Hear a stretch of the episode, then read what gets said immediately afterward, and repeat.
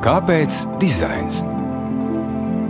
No karotes līdz pilsētvidai.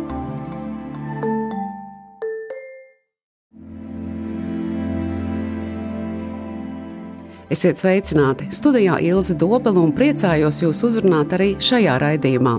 Cilvēks piedzimstot ar gaismu sastopas pirmo reizi. Dzīves laikā pēc tās mēs iepazīstam laika ritējumu, piemērojamies tam un izjūtam tās trūkumu gada tumšākajā laikā, kā šobrīd, decembrī.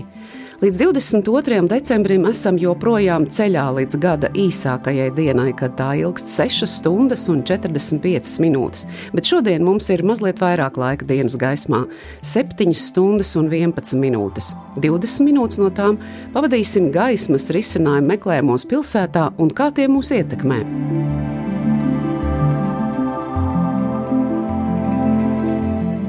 Lūkojoties uz ziemeļiem, gada tumšākais laiks Oulu, Somijā, kur dzīvo 200 tūkstoši iedzīvotāju, iestājas 21. decembrī, kad diena ir 3 stundas un 35 minūtes gara, bet Somijas ziemeļos vis tālāk esošajā pilsētā Utsjokī polārā nakts ilgst 51 dienu no 26. novembra līdz 15. janvārim.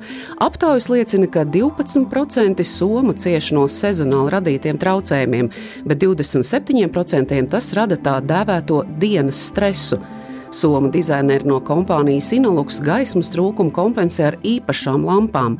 To gaismas krāsas spektrs aizstāja dienas gaismu un nodrošina nepieciešamo gaismas daudzumu telpā. Gaismas ķermeņi ir dažādu acī tīkamu vizuālo dizainu ir certificēti kā medicīnas iekārtas, un ar tādu mērķi arī radīts, lai tos katru dienu lietojot 15 minūtes, cilvēki saņemtu nepieciešamo gaismas daudzumu un tumšajā laikā nejustos skumji vai noguruši. Kā jūtamies gada tumšajā laikā mēs, kad esam ārpus savām mājām un par gaismu rūpējas kāds cits? Un vai tā mums palīdz justies labāk vai tieši pretēji satrauc mūs? Par gaismu runāja ar mākslinieku Krišu Zilgāli. Krišs ir veidojis Doma baznīcas vitrāžu, kas veltīta 1991. gada barikādēm. Gaismas izpēta bija sākums vitrāžas veidošanai, jo tā ir nozīmīga loma vitrāžas vizuālajam tēlam, kas mainās saules ritējumā gadalaikos un arī cilvēkiem pārvietojoties pa laukumu vai baznīcu. Mākslinieks gaismai sācis uzmanību pievērst jau mācību laikā Rozentāla mākslas skolā, un to turpinājis studējot arhitektūru, pastiprināti apgūstot dabīgās gaismas izpēti. Dēļ šīs tumšās ziemas mēs uztveram un novērtējam gaismu pilnīgi savādāk, kā tas ir citās vietās. Un eh, mēs esam ļoti jūtīgi pret niansēm. Man tā zima ir visradošākais un produktīvākais laiks salīdzinoši ar citiem gada laikiem. Manai darbnīcai ir logi vērsti uz ziemeļiem, lai gleznojot pēc iespējas vairāk, man būtu konstanta gaisma un uh, nemainās krāsu intensitāte. Tikos arī ar arhitektūrālās gaismas projektētāju un dizaineru Ilzi Leduskrastu, kura gaismas nozarē ikdienas dažāda mēroga projektos strādā jau desmit gadus.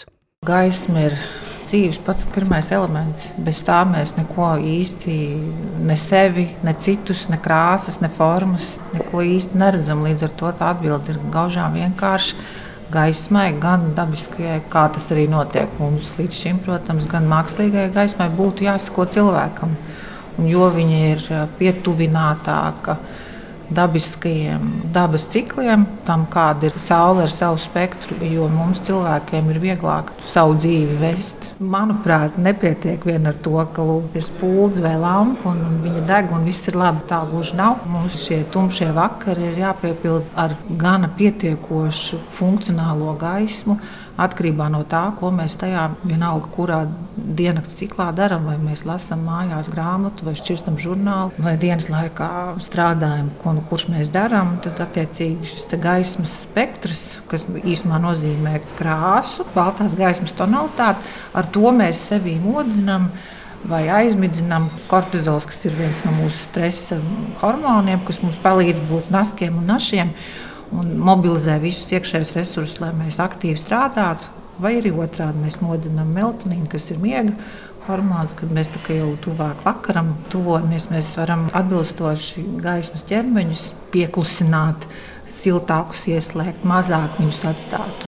Kriša un Ilzas atbildes uzklausīsim arī raidījuma turpinājumā. Abiem ekspertiem jautāju, kā mēs pilsētā jūtam gaismas klātbūtni tumšajos mēnešos, vai spilgtāka gaisma nozīmē arī funkcionāli labāku apgaismojumu, un kāpēc kādreiz cilvēki tumšos rītos vai vakaros tieši izvairās no tieša laternas starkūļa.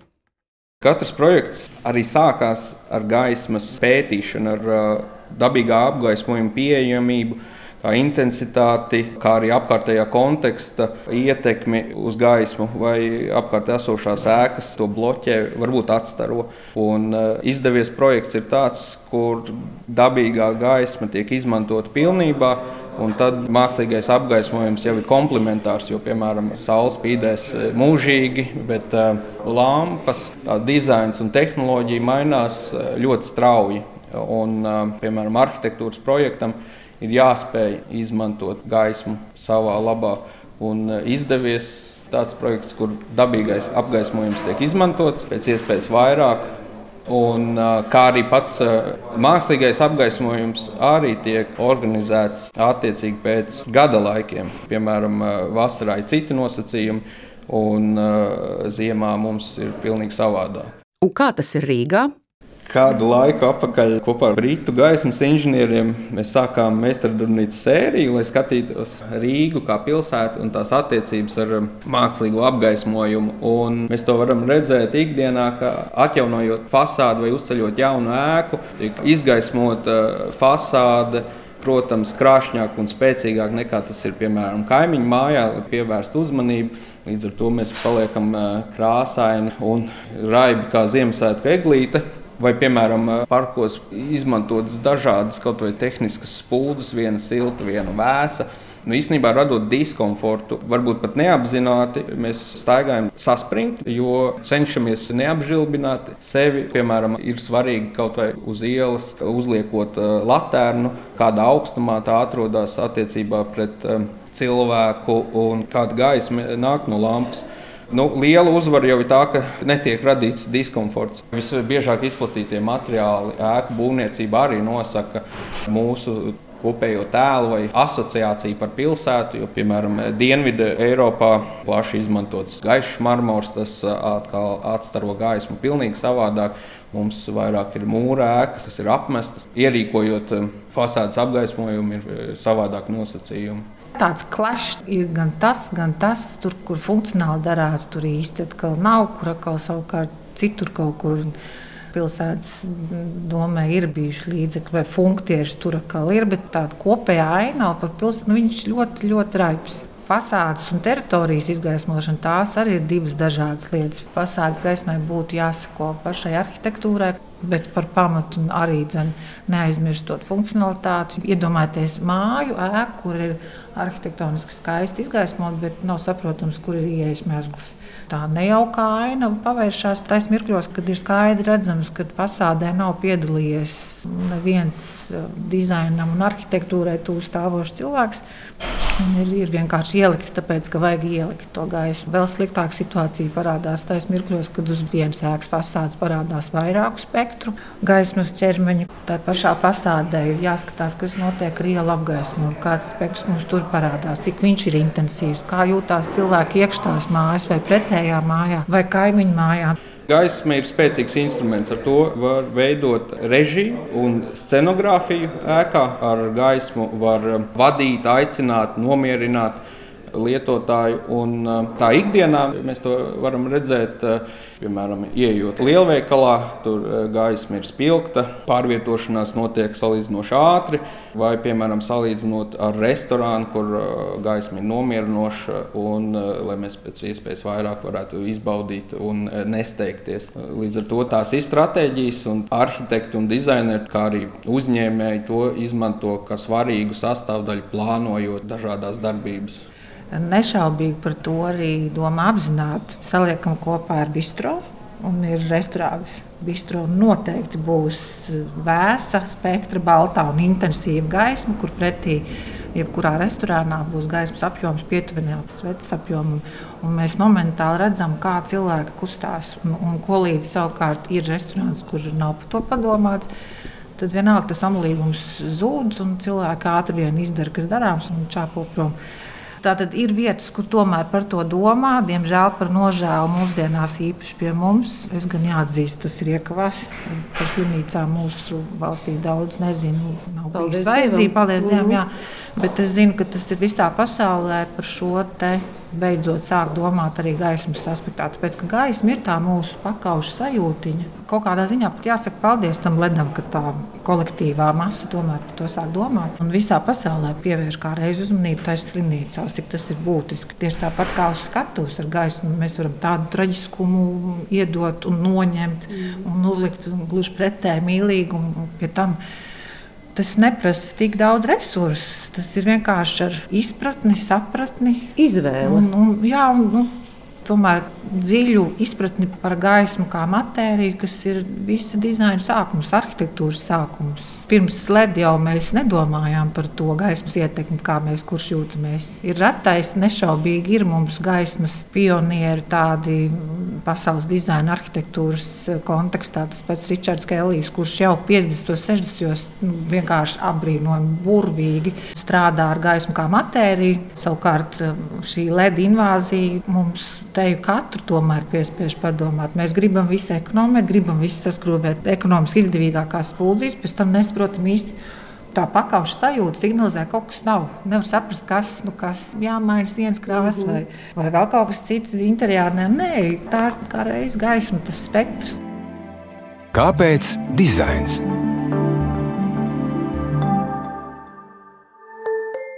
Ko pilsēta var nu, šajā tumšajā laikā palīdzēt un cik tas ir veiksmīgi? Vispār jau tā visa gaismas industrijas situācija, neteiksim izteikti mūsu valstī, bet vispār kopumā ņemot, viņi ir diezgan sarežģīta un kā nu kurā reģionā, kā tas attīstās. Tik, tikko biju Rotterdamā, taisnība gaismas profesionāla konventā, kur no visas pasaules, gan no Āzijas, gan no Amerikas, gan no Eiropas, protams, var sakot, visa pasaule. Un tu redzi, kā kurā reģionā ar to darbojās. Konkrēti mūsu valstī tā lieta ir pavisam nesakārtot. Pašvaldība rūpējās, protams, un cenšas darīt to labāko, bet inteliģenta gaismas izpratnē ļoti maz labo piemēru. Kas varbūt būtu tas, ar ko būtu jāsāk pašvaldībām? Tur vajadzētu sakorelēt ar izpratni ņemot nešaubīgi lētākos gaismas ķermeņus, sakorelēt ar to, cik šis gaismas spektrs, kur liekam uz ielām, cik viņš ir labs gan mums kā iedzīvotājiem, gan dabai, kas visu tumšo diennakts eh, laiku saņem šos gaismas starus, kas ir pie tam arī ne tikai faunai, bet arī florai. Viņš ir nedraudzīgs. Bet tagad tā gaisma drīzāk ir tāda, kas ir par spilgtu, par vēsu. Par vē... Gan par vēsu, mm -hmm. gan par spilgtu. Kopš um, diožu, kopš LED uznācienu uz skatuves nav tik daudz pētījumu, lai spētu tā ļoti smuki, precīzi definēt, kas uz ko un cik kādu ietekmi atstāja. Jo līdzinējās eh, gan kvēls pūle, gan dabiskā uguns, gan eh, halogēnas pūles, tas ir pats vēsturiskais gaismas avots sākums. Tie ir tie gaismas avoti, kas mūsu gan redzē, gan apsajūtē ļoti, ļoti tuvu. Lai neteiktu, ka identiski atspoguļo saules doto krāsu, atveidu un sajūtu. Savukārt ar ledus ienākšanu dažas krāsas ir, dažas nav. Plus ir frekvences, kādā viņš tur darbojās. Tas viss mūsu orgāni galvā šīs lietas, pat ja mēs ar acīm neredzam viņus, tas tiek uztverts un kaut kādos brīžos tīši apjūta krīt uz leju. Rīgas pilsētas teritoriālās izmantošanas noteikumi nosaka arī kārtību, kāds ir apgaismojums pilsētā.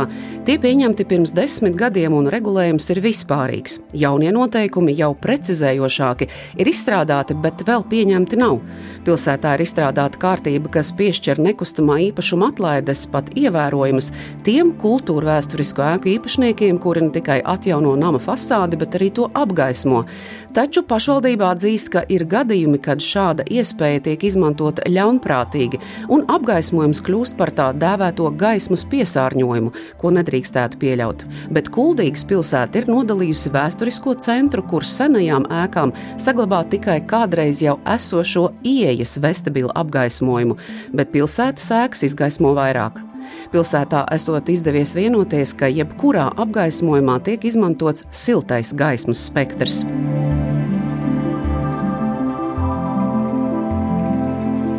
Eiropā un Amerikā regulas un vadlīnijas ir atšķirīgas. Gan Ilze, gan Kriša izsaka vēlmi, ka Latvijā pilsētās būtu nepieciešams nevis viens cilvēks, bet cilvēku kopa, kas rūpētos par apgaismojumu liederīgu un funkcionālu izvietošanu.